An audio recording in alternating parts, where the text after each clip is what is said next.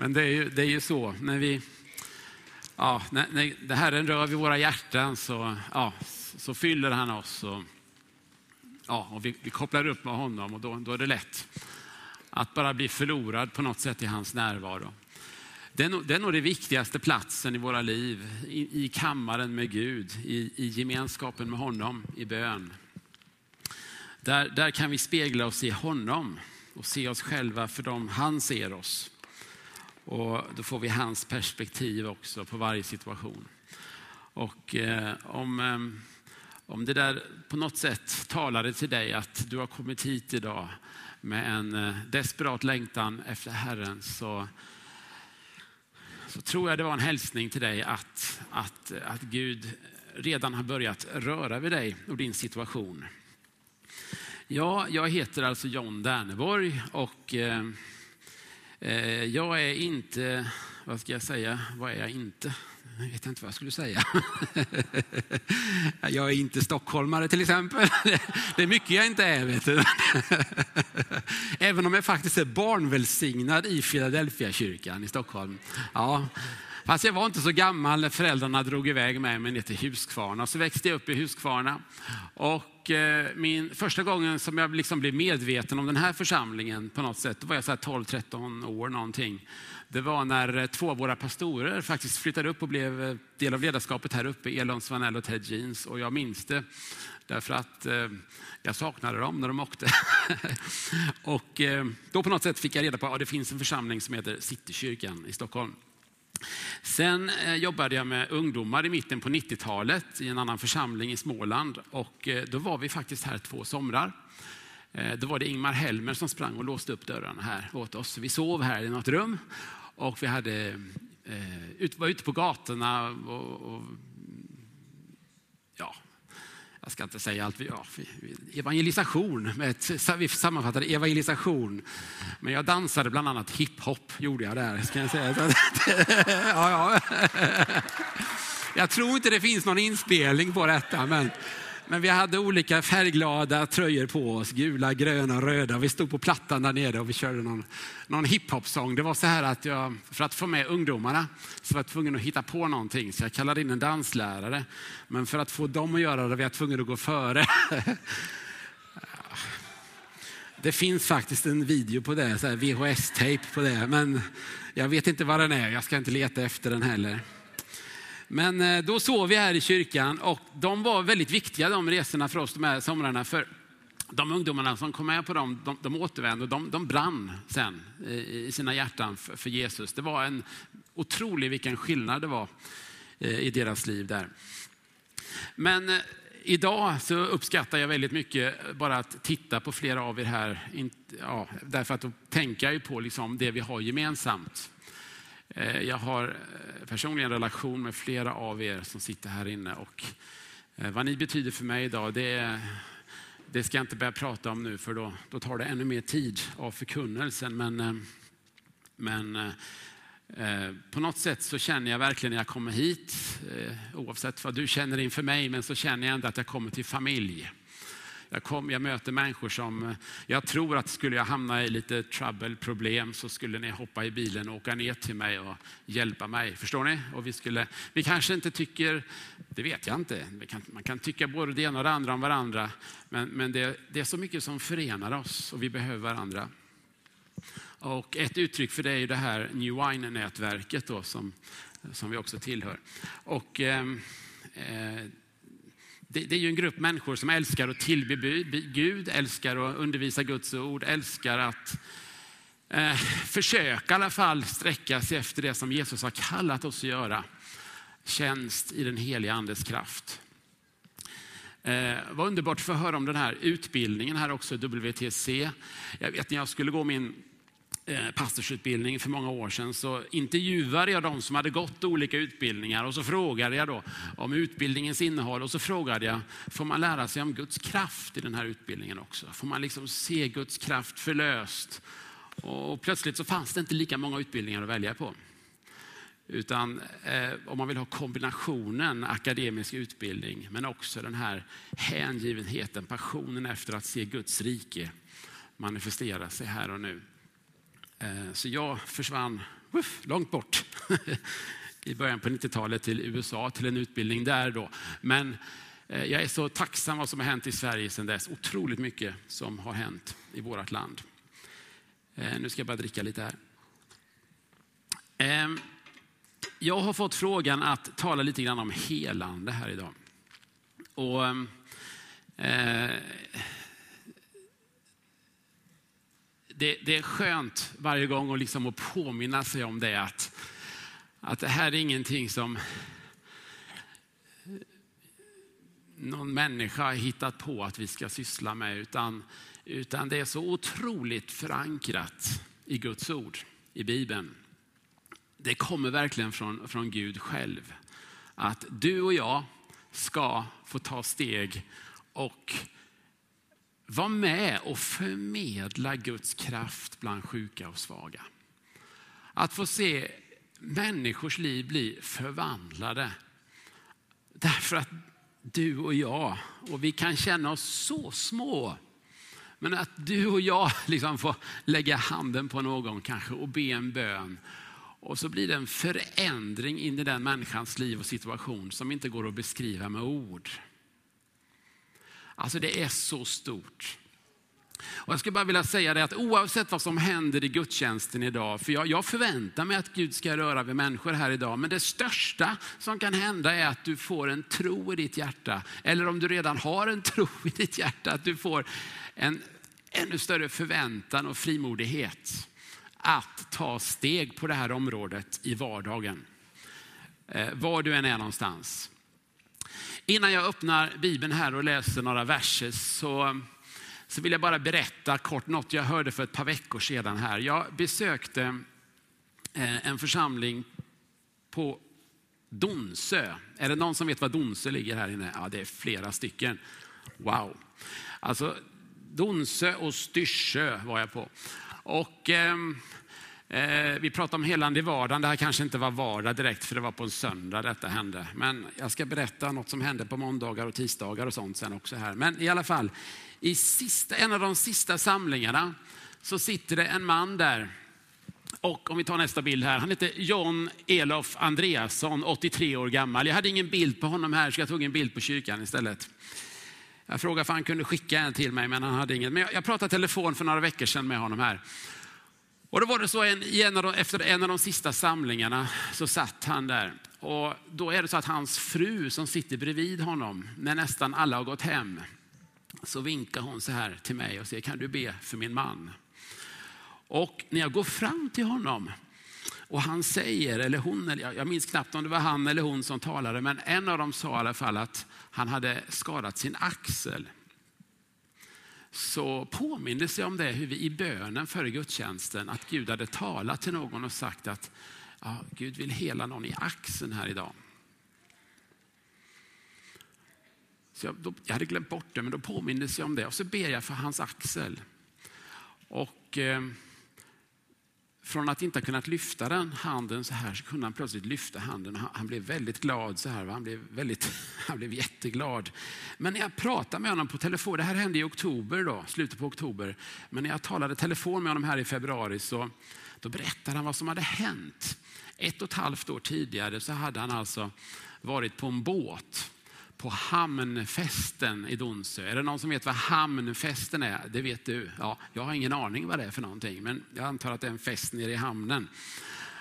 Ja, på hamnfesten. Ja, det, det var, när han sa det var, det var som en självklarhet att det skulle jag veta vad det är för någonting. Men det, han var på en båt och så snubblar han på ett elektriskt aggregat av något slag där.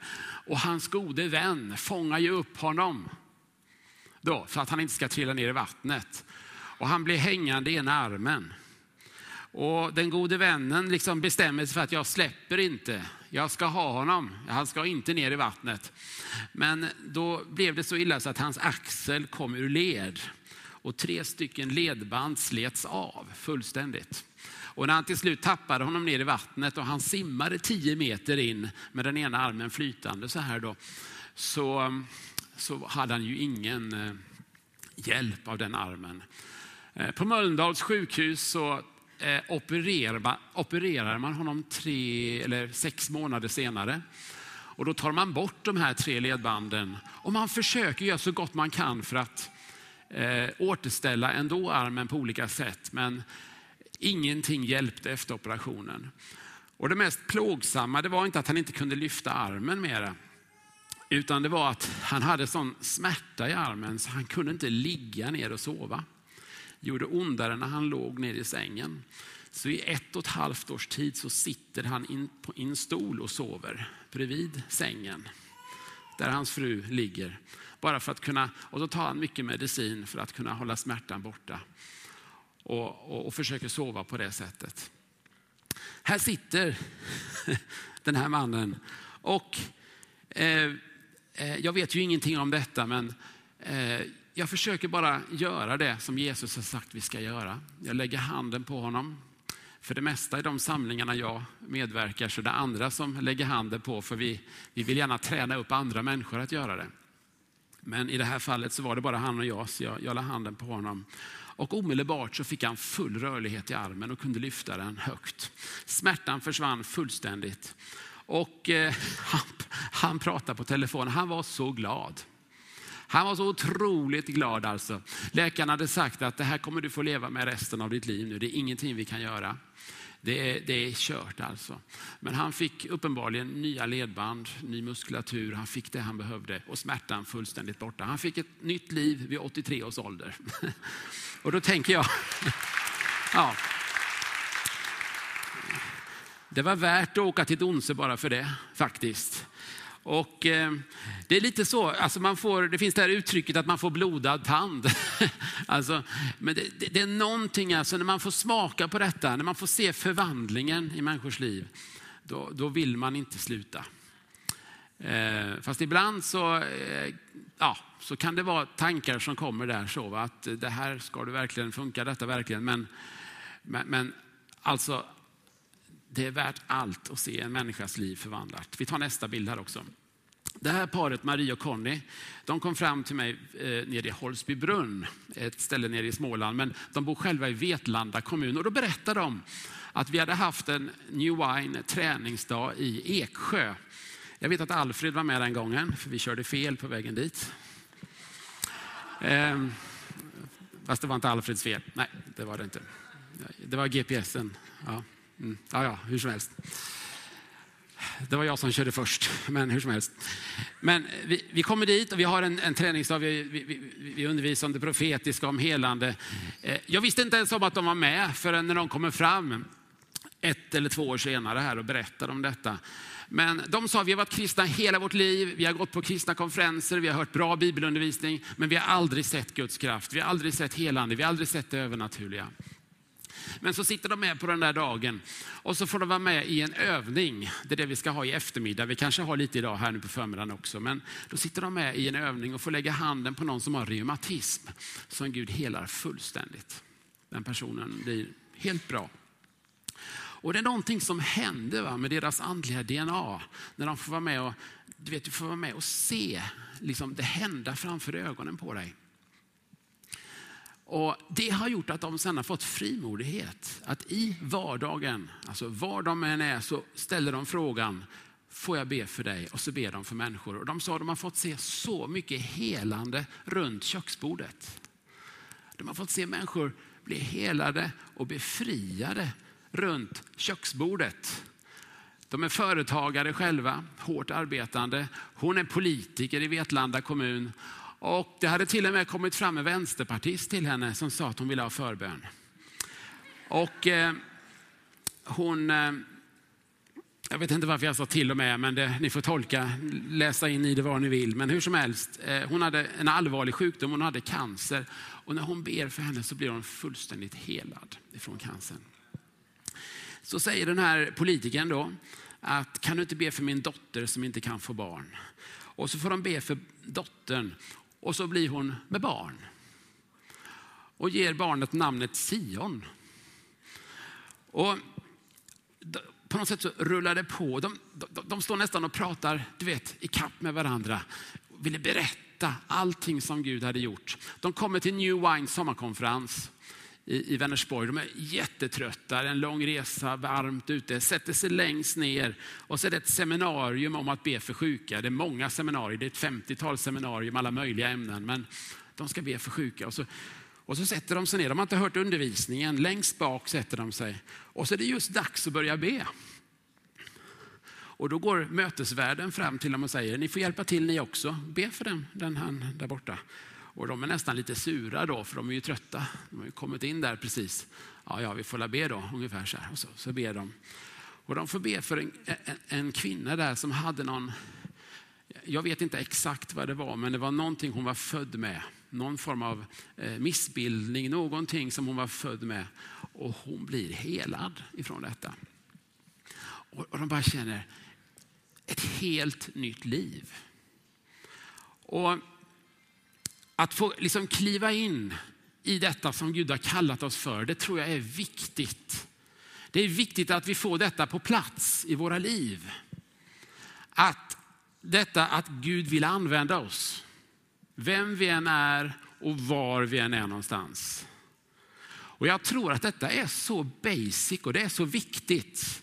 Lika viktigt som att man har gitarren inställd på rätt ackord när man ska börja, så är det viktigt att man har detta på plats. Va? För det är svårt att bygga någonting annat när man börjar fel. Det är som när man är liten och ska lära sig knäppa skjortan. Man måste börja med rätt knapp, annars blir det fel här uppe. Och lite grann så är det här att när vi på något sätt får de här bitarna på plats, att Gud har kallat oss att leva det liv som Jesus levde. Och han har kallat oss alla att vandra i det övernaturliga. När vi får det på plats, då har vi en grund att stå på som heter duga. Och man ska inte behöva ringa pastorn för att bli helad, vet du. Eller gå till den eller den personen, utan du kan gå till vem som helst va, som känner Jesus. Så kan de vara med och förmedla detta. Det är underbart. Eh, jag hade ett seminarium i eh, Irland för några år sedan om helande, en sommarkonferens. Och så var jag tillbaka två år senare. Och om vi tar nästa bild här. Då kommer den här mannen fram till mig, på tal om helande i vardagen. Då säger han så här till mig, han tar fram sin mobiltelefon och så visar han en, en bild på en helikopter. Jag måste få visa dig den här helikoptern, sa han. Okej, sa jag, det var en fin helikopter. ja, jag är sån här eh, sjukvårdare, sa han. Jag jobbar på den här helikoptern. Och när du var här för två år sedan och du hade undervisat om helande, då sa du så här, och jag kommer inte ens ihåg att jag hade sagt det, men då sa du så här, sa han, att, att du har inte själv fått vara med och uppväcka någon från de döda. Men det är ju bra att studera hur man gör så att vi kan göra det om vi hamnar i ett läge där så ska ske. så att säga. Och så sa du ungefär så här att om någon är död, då, och, det, är, och det är ett sånt läge alltså, då någon ber dig kanske, ja, alltså, då, då kan man kalla på personen i Jesu namn att komma tillbaka. Och du förstår, jag tog den här bilden, då hade vi landat här, sa han, och då var det en man som låg där och han var död. Och vi försökte uppliva honom. Och vi kom till en punkt där vi insåg att vi kan inte uppliva honom. Så vi förklarade honom död. Och så gick mina kollegor därifrån, sa han. Och eh, då kom jag ihåg vad du sa i det seminariet, sa han så här. Jag tänkte, jag testar detta, sa han då. Vet Så han sa till honom att komma tillbaka i Jesu namn. Och det gjorde han, sa han. Så de kom springande där. Så han fick vara med och uppväcka honom från de döda.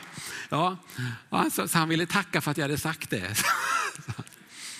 Och eh, ja, jag har fortfarande inte fått göra det. Jag, jag kan nästan känna mig lite nervös, vet du, hamna i det läget.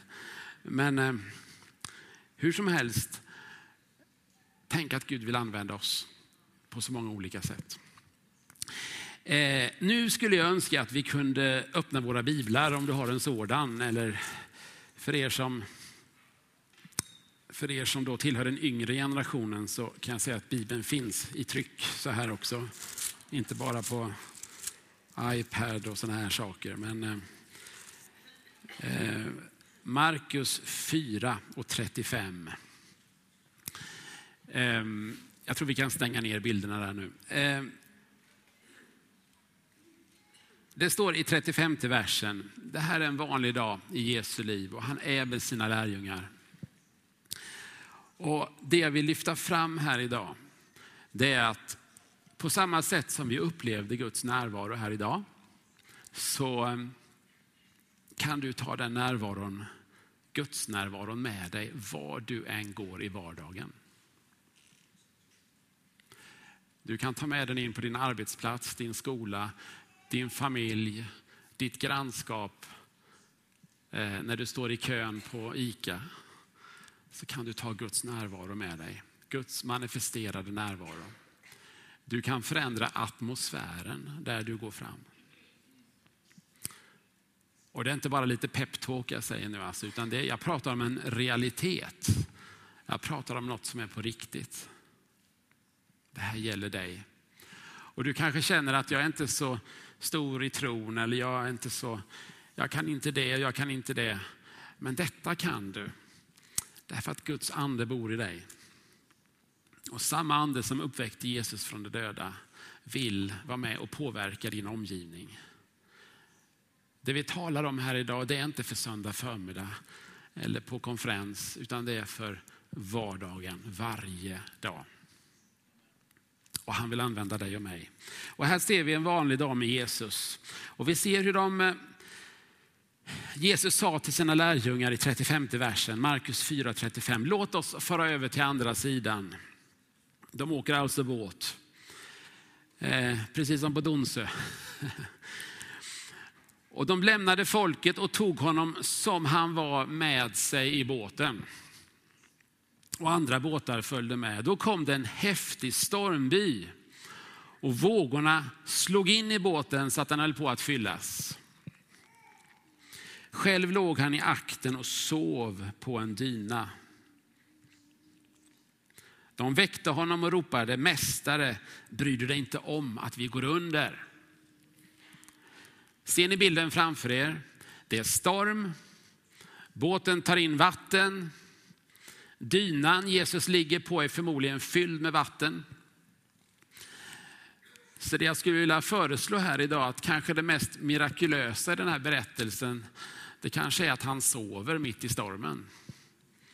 Alltså att sova i en båt som rycker och kränger och håller på att fyllas med vatten och alla springer runt va, i panik. Där ligger Jesus och han har bara frid i sitt inre. Guds frid.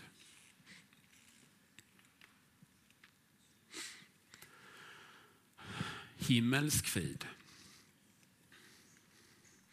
Han är ett konkret uttryck för det han talar om i Johannes 7.38 när han säger att ur ert innersta skall strömmar av levande vatten flyta fram. Ur vårt innersta så flyter det fram strömmar av levande vatten. Alltså den heliga andes liv bor i oss och fyller oss med frid. Och det är väldigt lätt så att vi hamnar i situationer när omständigheterna säger någonting annat va, till oss. Och vi, vi kan mycket väl bli rädda, vi kan bli fyllda av fruktan, vi kan få panik. Det kanske är bråkigt och stökigt runt omkring dig, jag vet inte. Men mitt i detta så kan du erfara den här friden. Och jag skulle vilja ge dig som en liten hemläxa, hemläxa eller en liten uppgift. Och du får gärna be Gud om hjälp, för han vill hjälpa dig med detta. Men det är att, att bli medveten om hans närvaro i dig. Var du än är någonstans. Och speciellt om du känner att oj, nu blev jag sårad för någonting. Eller oj, nu blev det stressigt här eller det blev väldigt tumult. Va? Att kanske bara fokusera på Jesu liv i dig. Guds frid. Och låta honom fylla dig med den friden.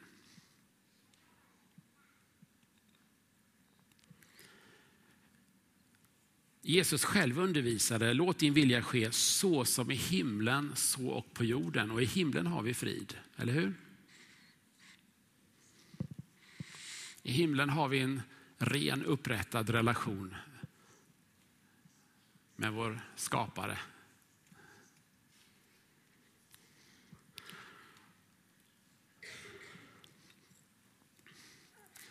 Den friden, den är övernaturlig. Och Jesus hade ju den i rikt mått när han ligger där och sover mitt i båten. Och jag skulle vilja säga att det var förutsättningen för att han skulle kunna göra det han sedan gjorde.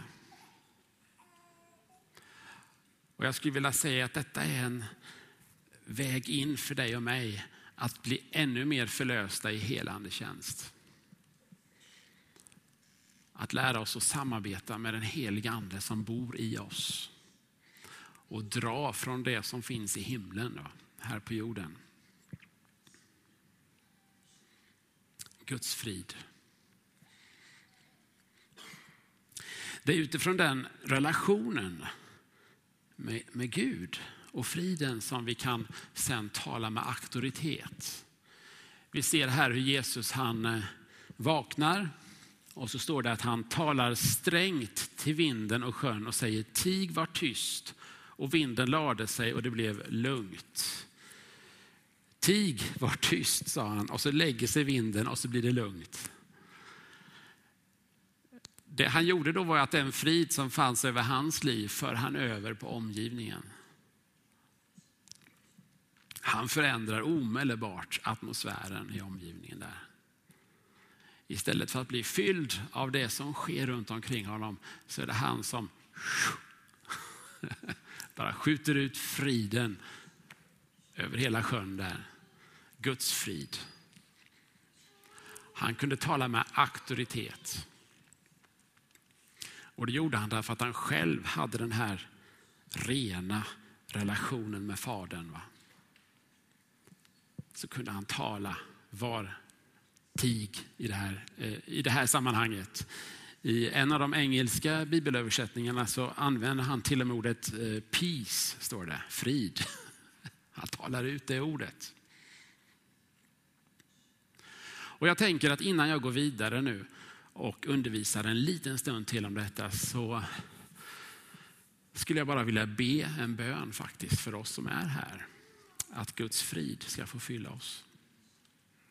Kanske är det det största som kan ske i ditt liv. Kanske, inte, kanske kommer inte omständigheterna förändras omedelbart så här. Men du kommer ha ett helt annat utgångsläge. Ska vi göra så att vi, vi ställer oss upp tillsammans? Och... Eh, det inget, det, det, vill du hellre sitta så får du det. Det borde jag sagt innan kanske. Men alltså, jag, jag, ni som kan och vill stå med mig. Och, och, och känns det... Ja, håll gärna fram dina händer som att här, här Gud, här får du mitt liv. Ta det. Okej, okay, ungefär så. Va? Gud, här, här får du mitt liv. Jag behöver din frid. Jag vill bli en sån person som förändrar atmosfären där jag går fram. Vi kommer tala mer i eftermiddag om hur vi faktiskt kan förändra trosatmosfären. Både i våra egna liv, i församlingen och runt ett fikabord. För vi ser att när atmosfären förändras så öppnas det upp för det övernaturliga. Men jag vill bara be om Guds frid in i ditt liv nu. Ja, Herre, jag ber den här stunden att Guds frid kommer som en våg över oss här idag.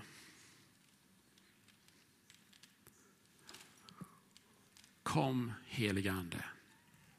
Kom nu, fyll. Fyll varje man, varje kvinna. Gör det bara du kan göra, Herre. Gör det som bara du kan göra, Herre. Rör vi oss just nu. Och håll inget tillbaka från Gud nu.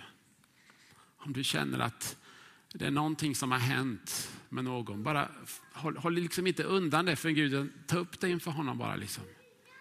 Den där, det där som gör ont. Den där synden du kämpar med eller, vad, eller relationen som inte funkar eller smärtan över någonting. Bara lyft upp det nu och låt Guds frid bara omsluta det och, och, och, och se hur det bara smulas sönder framför dig. I positiv bemärkelse alltså. Mer helig ande. Kom nu helig ande, fyll på. Mer Herre, kom helig ande. Ja Herre, tack för längtan som finns här idag. Tack Herre. Tack för vad du gör Herre, även bortom den här kyrkans väggar genom ja, hur nu det här mötet vidareförmedlas på olika sätt. Just nu Herre ber jag, välkommen in i våra liv just nu. Fyll på. Jag ber om frid mitt i stormen. Mm. Förlös det profetiska. Förlös drömmar och visioner, Herre. Tala till oss om dagen. Tala till oss om natten, Herre. Förlös dina gåvor, Herre. Helande smörjelse. Kunskapens ord. Trons gåva. Jesus. Fyll detta rum. Fyll vilket rum, oavsett vart det här budskapet når. Fyll det rummet nu med din närvaro. I Jesu namn.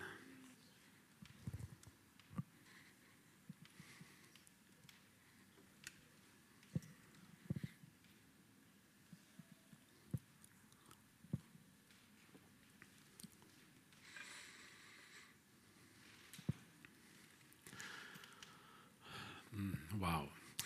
Ja, varsågod och sitt igen så ska jag bara tala en liten stund till här. Ehm.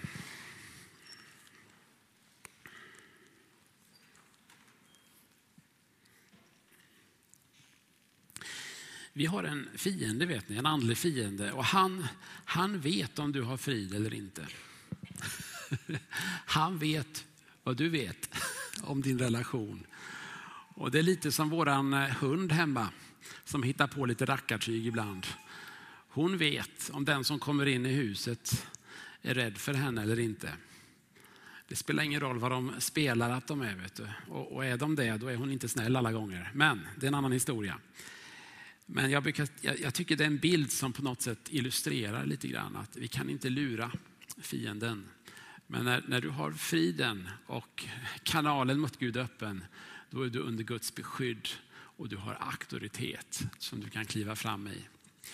Eh, jag delade detta i en eh, kyrka i eh, Belfast och efter några veckor så fick jag ett e-mail från en av ledarna där och då var det en liten gumma, en liten tant där i församlingen som hade hört mig berätta någonting i stil med det jag sa här idag.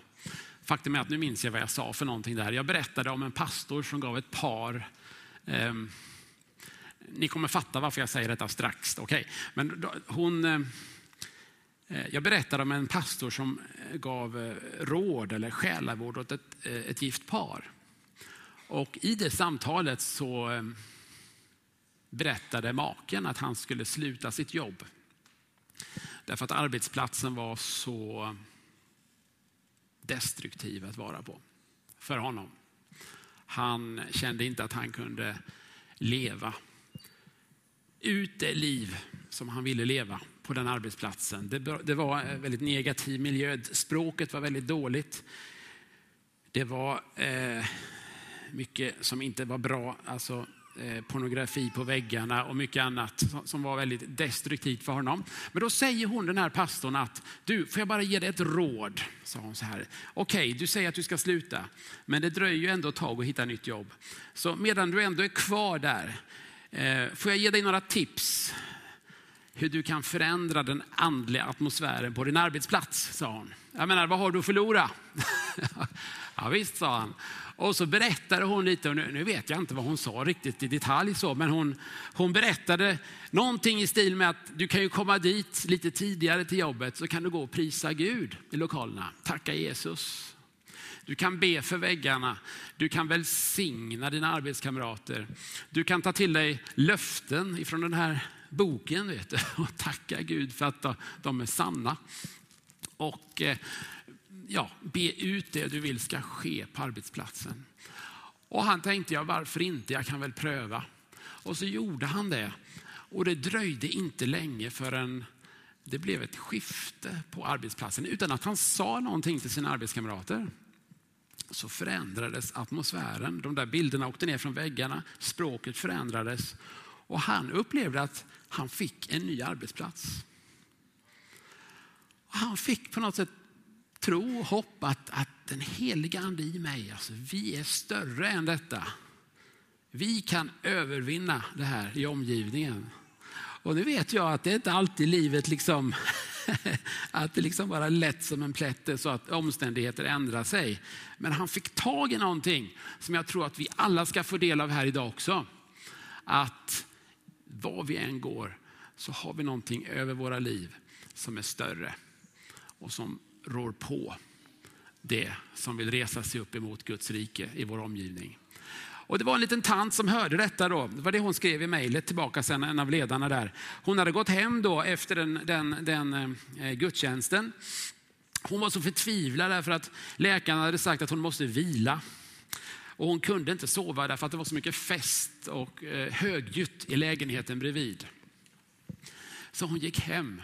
Och det här var inte någon vild pingstförsamling eller sådär. Det var en eh, Church of Ireland, vet du. Så här, mm, ja, du vet, så. så hon gick, men hon gick ändå hem och gjorde detta. Okay? Eh, bara ni ska veta det, att det var en vanlig liten irländsk kvinna bara så, som kommer fram. Och hon lägger handen på väggen till lägenheten bredvid och så ber hon i tungor. Och det dröjer bara en dag eller två så blir det tyst i lägenheten bredvid. Då har de flyttat ut. Men det här var ju seger vet du, för henne. Så hon berättar att det fungerar. Det fungerar. Daniel vet ni, vi läser om i, i, i Gamla Testamentet, det ni ska få lära er om första april när Daniel kommer. I, i Bibeln menar jag. Då, inte när han kommer tillbaka, eller så, utan när, när det står honom i Bibeln. Då, de, de kunde se att han hade en annan ande över sig, står det. Han hade en annan ande. Han levde i en miljö som var fylld av depression, okulta inslag, orenhet. En väldigt antikristlig miljö skulle man kunna säga. Han, han, han, han stod under ett system som var i grunden fyllt av ondska. Men han hade en annan ande över sig. Så han vandrade upprätt och rakt under det här systemet. Han böjde sig inte under depressionen, betrycket, utan han lät sig fyllas av Guds ande och vandrade med en annan ande över sitt liv och kunde få gå in på platser, göra saker som ingen annan kunde. Och jag tror Gud kallar oss idag att leva det livet i vårt land, i vår värld. Att inte låta oss så att säga, bli helt förskräckta av betrycket och allt som händer runt omkring. Utan att vi får vandra och vi får komma och förmedla helande till människor.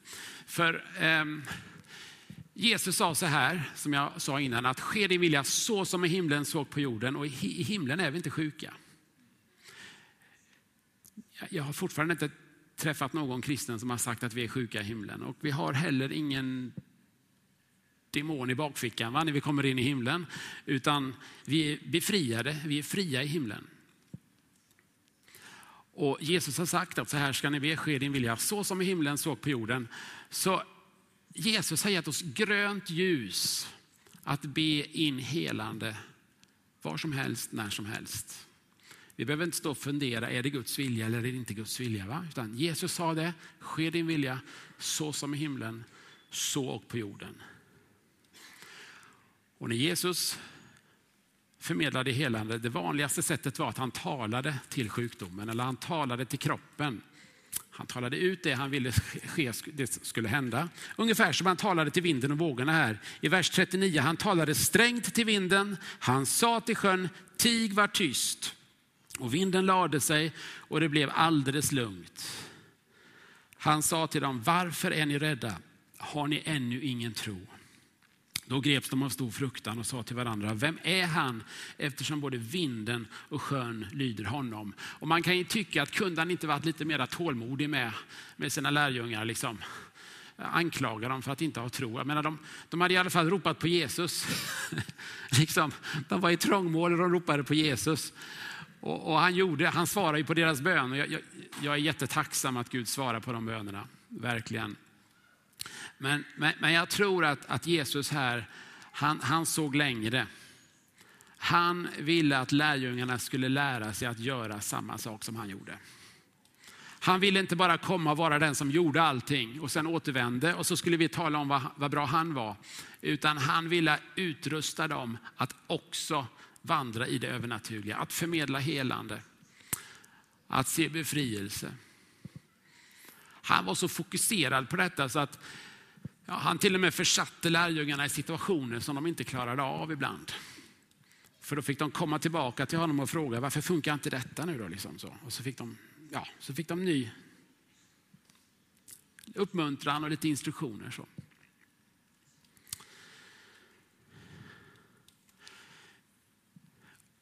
Innan han återvänder till himlen så säger han ungefär så här att allt vad jag har lärt er, det ska ni lära dem som kommer till tro efter mig. Efter er här nu också. Så det Jesus såg så att säga i sitt när han såg framåt, han såg lärjungar som utrustar lärjungar att göra samma sak som han gjorde. Och mycket av det vi gör här idag och den här dagen, det handlar om att koppla upp Kristi kropp till Jesu tjänst. Och kanske är du redan uppkopplad, men då vill jag uppmuntra dig idag att ta nya steg på det här området. Kanske har du gjort det innan, men du har tappat modet lite grann.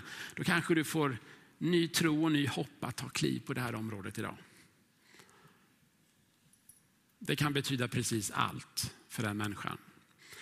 Eh, jag skulle dela ut några matkassar till eh, ett par äldre kvinnor från Bosnien ehm, för ett par år sedan. Och eh,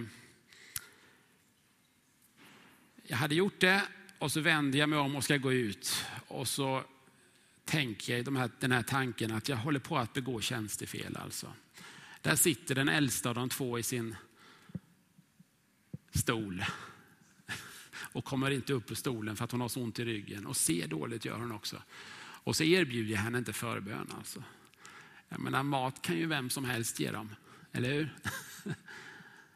Visst ska vi vara trevliga, visst ska vi vara hjälpsamma. Men vi är skyldiga den här världen Guds kraft.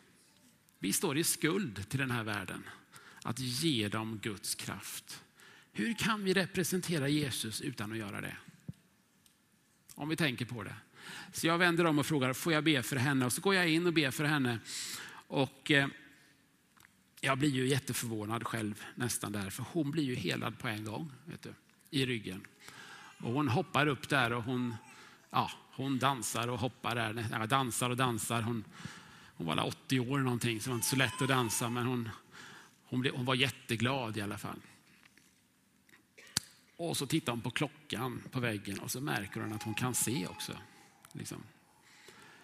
Och de är, det blir praise party alltså. Det blir, det blir nästan som på söndag förmiddag i Citykyrkan. ja, alltså de blir så glada. Och i bak, runden så hade de tvn på jättehögt. Det var lördag morgon, vad heter hon, Malou eller någonting. Hon pratade för fullt på tvn där, men de prisade Gud. Vet du, så här, vet du, så. Och då tänkte jag, wow, nu fick himlen landa igen. Nu fick himlen landa. Och ofta är det, det liksom bara det som krävs, att vi, vi vågar ställa en fråga. Du vet, någon berättar hur de mår och så får vi fråga, du får, är, det, är det okej okay att jag ber för dig? Ja, det kan du göra kanske de säger. Får jag be här och nu på en gång? Ja, ja, ja. kanske de säger ja. Säger de nej, då, då kan du inte göra det. Det är klart. Men säger de ja, okej, okay, jag ska bara lägga handen och så ber du en kort bön. Vet du. du behöver inte be någon lång bön. Och Så frågar du, är det någon skillnad? ja, säger de då. Det är helt borta. Eller så säger de, nej det är ingen skillnad. Eller så säger de, ja det är 50 procent bättre. Ja, men får jag be en gång till, säger du då. Jag håller bara på att lära mig detta. Ja, jag, får jag öva lite? Nej, det kanske inte ska säga. Men, alltså, du får, liksom, ja, får jag. Och det, det som jag tycker är skönt är att alltså, icke-religiösa människor, de har, jag har fortfarande inte träffat någon som har haft ett problem med det att jag vill be en gång till. Utan de, fattar, de hör ju bara att, att jag försöker visa dem lite omsorg här. Va? Jag gör ju bara vad jag kan för att hjälpa dem. Så jag ber en gång till. Och då kanske de blir bra. Blir de inte bra, då kan du ju säga det till dem att tack att jag fick be för dig ändå här. Alltså jag skulle gärna be för dig igen. Och jag, jag, vet att Gud älskar dig lika mycket för det, men jag, ibland får vi be flera gånger. Så. Och så kanske du får ett samtal där. Blir de bra kanske du kan säga, du, på samma sätt som Gud har helat din hand nu så vill han hela ditt brustna hjärta. Han vill hela ditt hjärta, du får ge det till Gud. Alltså det, det där, det kan jag inte stå här framifrån och säga exakt hur du ska göra. Men Gud, han vill och han kommer dyka upp. Eh, jag lyssnade för ett par veckor sedan på Julian Richards från Wales. Och de kör stenhårt med detta med helande kaféer. Har ni det här i Sittkyrkan också? Nej, jag, jag, jag, hade något för mig att ni hade det, men det kanske ni inte har då. Nej, just det. Vi har inte det i Vänersborg heller, så, att, eh, så, det, så kan det vara. Men hur som helst, det är okej. Okay, Jag har lite terapeutiskt drag här också. Det är okej okay att inte göra allt. Men, eh, men han, han sa faktiskt så här att de bjuder in till en timmes kaféer och så kör de musik i tio minuter. Och så är det någon som berättar om Jesus i sju minuter. Och så är det vittnesbörd om helanden. Och sen ber de för sjuka för de som sitter där. Och han sa, de blir alltid helade, sa han. Så här, så han sa. Det var därför jag kom att tänka på det nu. Han sa, det, det, Gud dyker alltid upp. De håller på i 60 minuter de här kaféerna ungefär. Men lite musik, vittnesbörd, berätta lite om Jesus och be för sjuka. Och de har fått leda många människor till tro. Och det är någonting spännande på gång i Wales just nu. Ehm, nu tänker jag att vi ska ta några minuter och bara praktisera undervisningen. Och jag funderar på du som var förbönsledare här inför gudstjänsten. Vill du komma upp och hjälpa mig lite grann här? Vi hann ju inte prata innan här hur vi skulle göra detta. Men jag, du, jag vet du antecknade en del på telefonen där. Ehm, vi ska göra så här nu att vi försöker att lyssna in den heliga ande. Vad vill du vi ska göra idag? Vad vill du vi ska be för idag? Okej? Okay? Och då ger han oss ibland en bild eller en tanke eller någonting. Då. Så. Och vi kommer bara, vi håller oss till fysisk sjukdom nu då.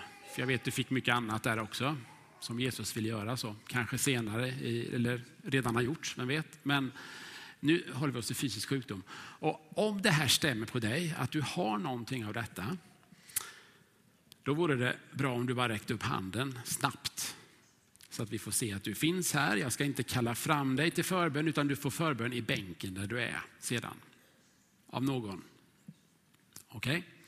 Men kan inte du bara läsa upp det som eh, förebedjarna delade med dig? Ja, vi, vi eh, bad här innan då.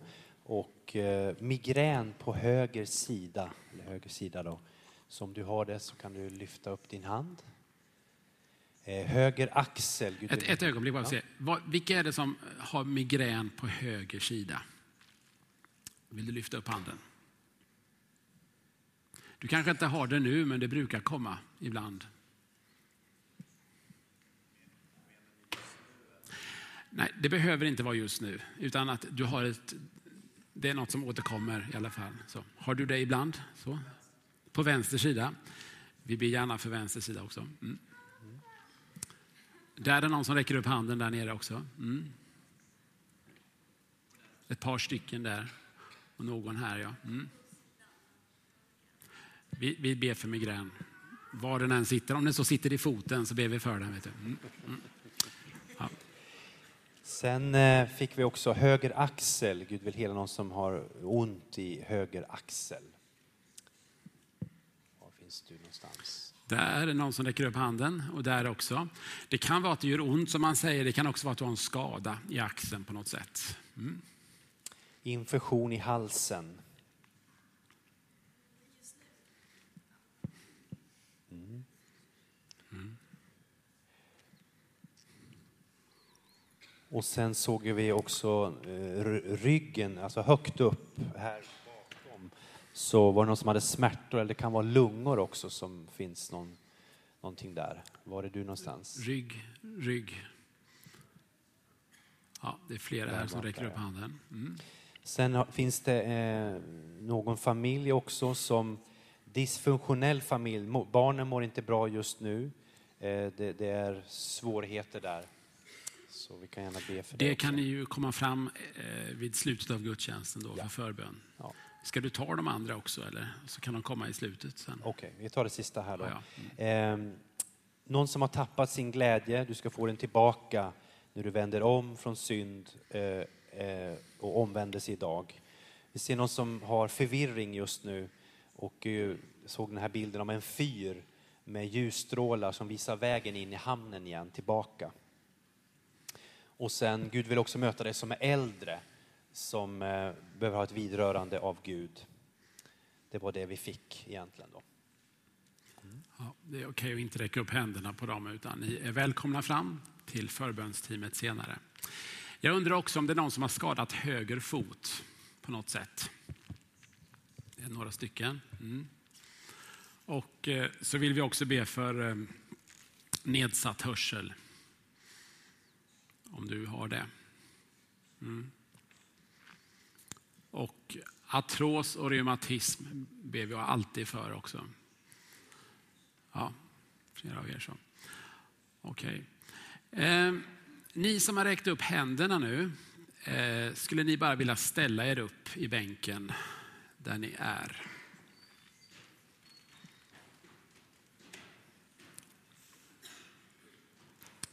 Ni som har gett er till känna, eller om du inte gav dig till känna men borde ha gjort det, du får också ställa dig upp om du vill. Ja. Eh, hur många av er, om Gud helar er nu, om det skulle ske, så kommer du att kunna märka det på en gång. Därför att problemet är av en sådan karaktär att, att det går att testa på en gång. Alltså det gör ont nu, eller du kan inte böja på ryggen nu. Ni förstår vad jag menar? Vissa av er som räckte upp handen för migrän kommer inte kunna räcka upp handen nu kanske, då, för ni har inte migrän just nu. Okej, okay. hur många av er kommer kunna verifiera ett helande nu? Räck upp en hand får jag se, om ni blir helade. Får jag bara se här nu. En, två, tre, fyra, fem, sex, sju. Var det bara sju stycken? Ja. Mm. Ja, ja, då vet vi det. Är det någon som, som inte liksom, du blev inte omnämnd nu att genom kunskapens ord om helande, men du vill ha förbön nu, res dig upp du också. Du kanske har en kronisk sjukdom eller du kanske har någon annan skada, men du vill gärna ha förbön. Res dig upp, ja. Hur många av er, om Gud helar er nu, kommer kunna verifiera det på en gång? Räck upp handen får jag se. Ja, det är ungefär lika många till. Okej. Okay. Mm. Okay. Ni som står upp nu, ni kan hålla en hand uppe och så tar ni inte ner den förrän ni har minst två förebedjare som står vid er sida. Och det betyder att ni andra är förbönsteamet idag. Eh, så titta er omkring och gå fram och ställ er jämte de som räcker upp handen. Men ni har förebedjare vid er sida, då kan ni ta ner handen. Men innan vi börjar be vill jag försäkra mig om att alla har en förebedjare.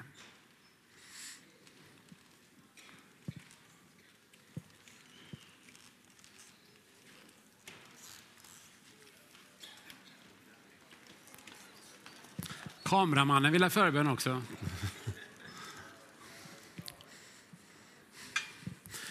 Börja inte be än, bara ställ er där och så tar ni ner handen när ni har förebedjare. Så.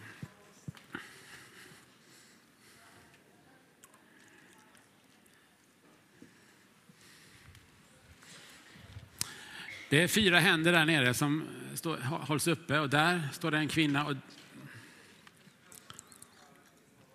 här borta.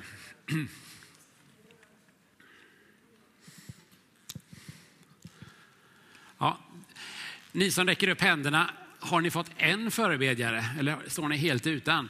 Ni kanske får gå ut och ställa er i gången så folk kommer åt er då. Om det är det att ni står lite inlåsta så kanske, vissa av er. Okej, okay. vissa av er får nöja er med en förebedjare. Okej, okay, så. Men om ni inte har någon förebedjare så håll handen uppe. Okej. Okay. Där är det eh, två, tre händer. Där står det en kvinna i grå eh, kavaj, jacka, vad det kallas när kvinnor har det på sig. Heter det kavaj? Ja. Mm. Två personer där.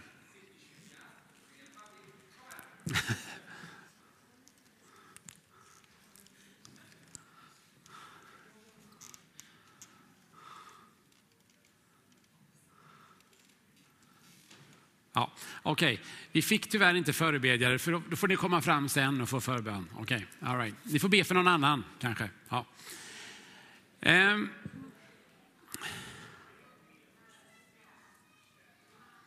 Okej, okay. innan vi ber nu.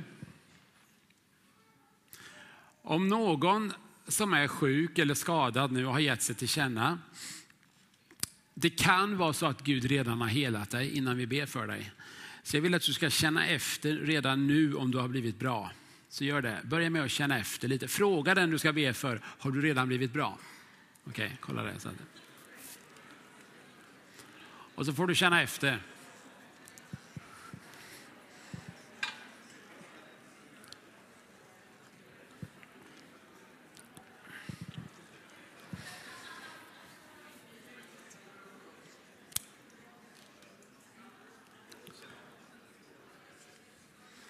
Okej. Okay. Är det någon som redan har blivit bra?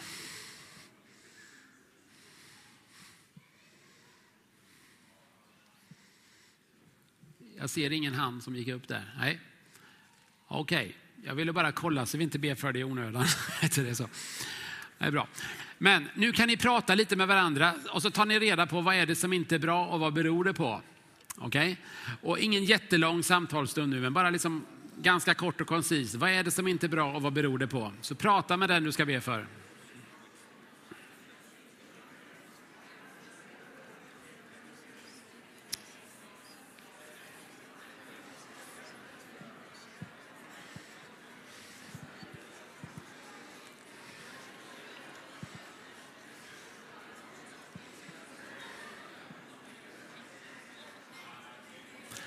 Okej. Okay. Då så ska vi be. Och det finns flera sätt att be för helande, men det vanligaste sättet är att eh, när Jesus han bara talade så att säga ut ett ord, typ var helad eller öra öppna dig eller eh, smärta gå eller stå upp eller något i den stilen. Så fall inte in i detta nu att du att du på något sätt börjar bönfalla Gud nu i det här läget, utan kliv ut i den auktoriteten som du har i Kristus och säg var helad i Jesu namn. Har du inte gjort det innan så är det bra läge idag att göra det. Okej? Okay? Och ni ska få gott om tid här, ni får 45 sekunder. Okay? Men så, så lägg handen på så ber ni. Sätt igång allihopa. Mm.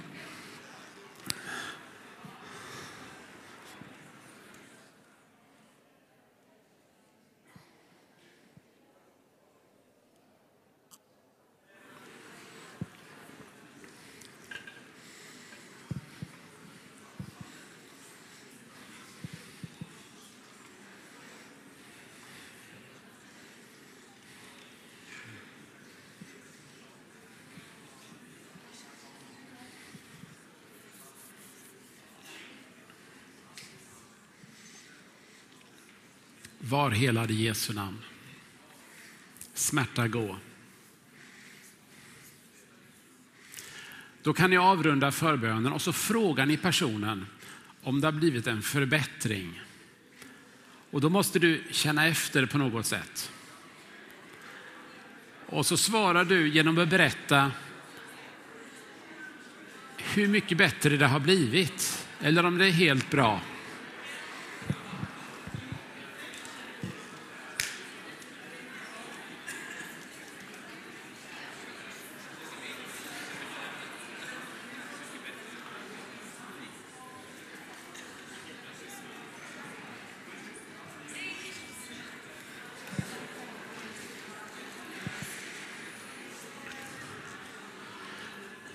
Okej, stå kvar. Och så kan jag få göra en uppmärksamhet.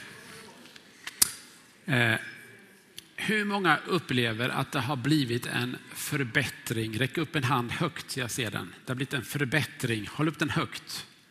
Håll kvar den uppe nu då. En, två, tre, fyra, fem, sex, sju, åtta, nio, tio, elva, tolv åtminstone upplever att 13 upplever att det har blivit en, en förbättring. Det är uppmuntrande, eller hur? Att så många upplevde att det, hur många av er som räckte upp handen kände att jag vet ju att det här är lite mellan tummen och pekfingret, men alltså det, det har blivit åtminstone 80 procent bättre. Räck upp handen får jag se. Åtminstone 80 procent bättre. Här. En, två, tre, mm, fyra. Ja, Ja, fem, ja just det. Mm. Jag hade en präst uppe i Örnsköldsvik som sa till mig, det var 2009, att när det här händer, va, att jag får tänka på att jag inte är någon aktionsutropare, sa han till mig, utan att det är människor här. Va? Så, jag, så jag försöker göra det här så värdigt jag kan. Okay, så. Ja, det är härligt, va? underbart. Nu ska vi göra så att vi ska be igen för samma sak. Så ni får be, oavsett hur mycket bättre ni har blivit, ni får be en gång till för samma sak här. Det kanske blir en gång till sen, men vi ber en gång till här. 45 sekunder till ber vi för samma sak igen. Mm.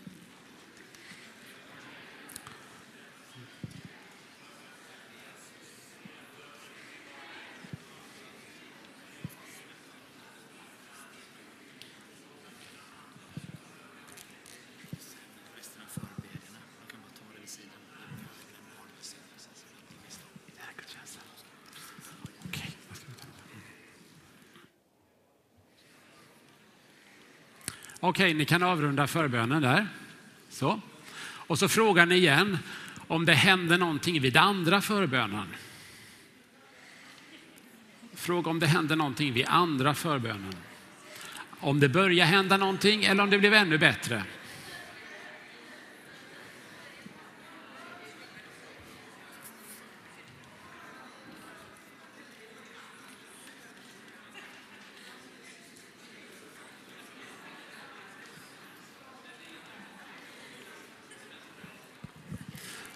Okej? Okay.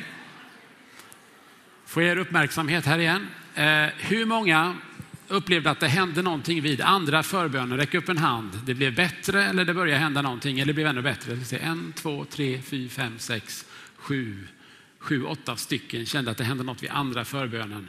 Vi ska be en tredje gång snabbt här. Eh, jag, jag har precis blivit upplyst om här att, att det är en väldigt viktig programpunkt kvar i gudstjänsten här. Så den, det blir en riktigt eh, fin grej här i slutet alltså. Men vi ska bara avrunda detta. Vi ber en tredje gång för samma sak här. Mm.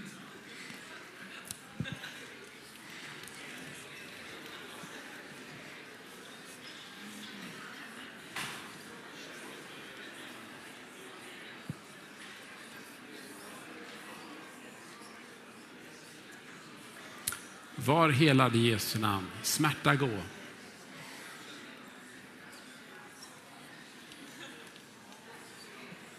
Var helad i Jesu namn nu.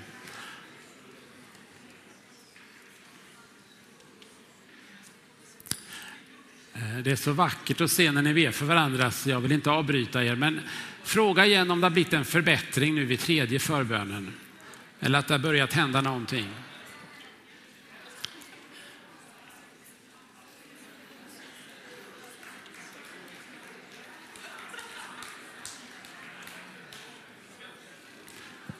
Böj på ryggen, testa fingrarna. Var det ja.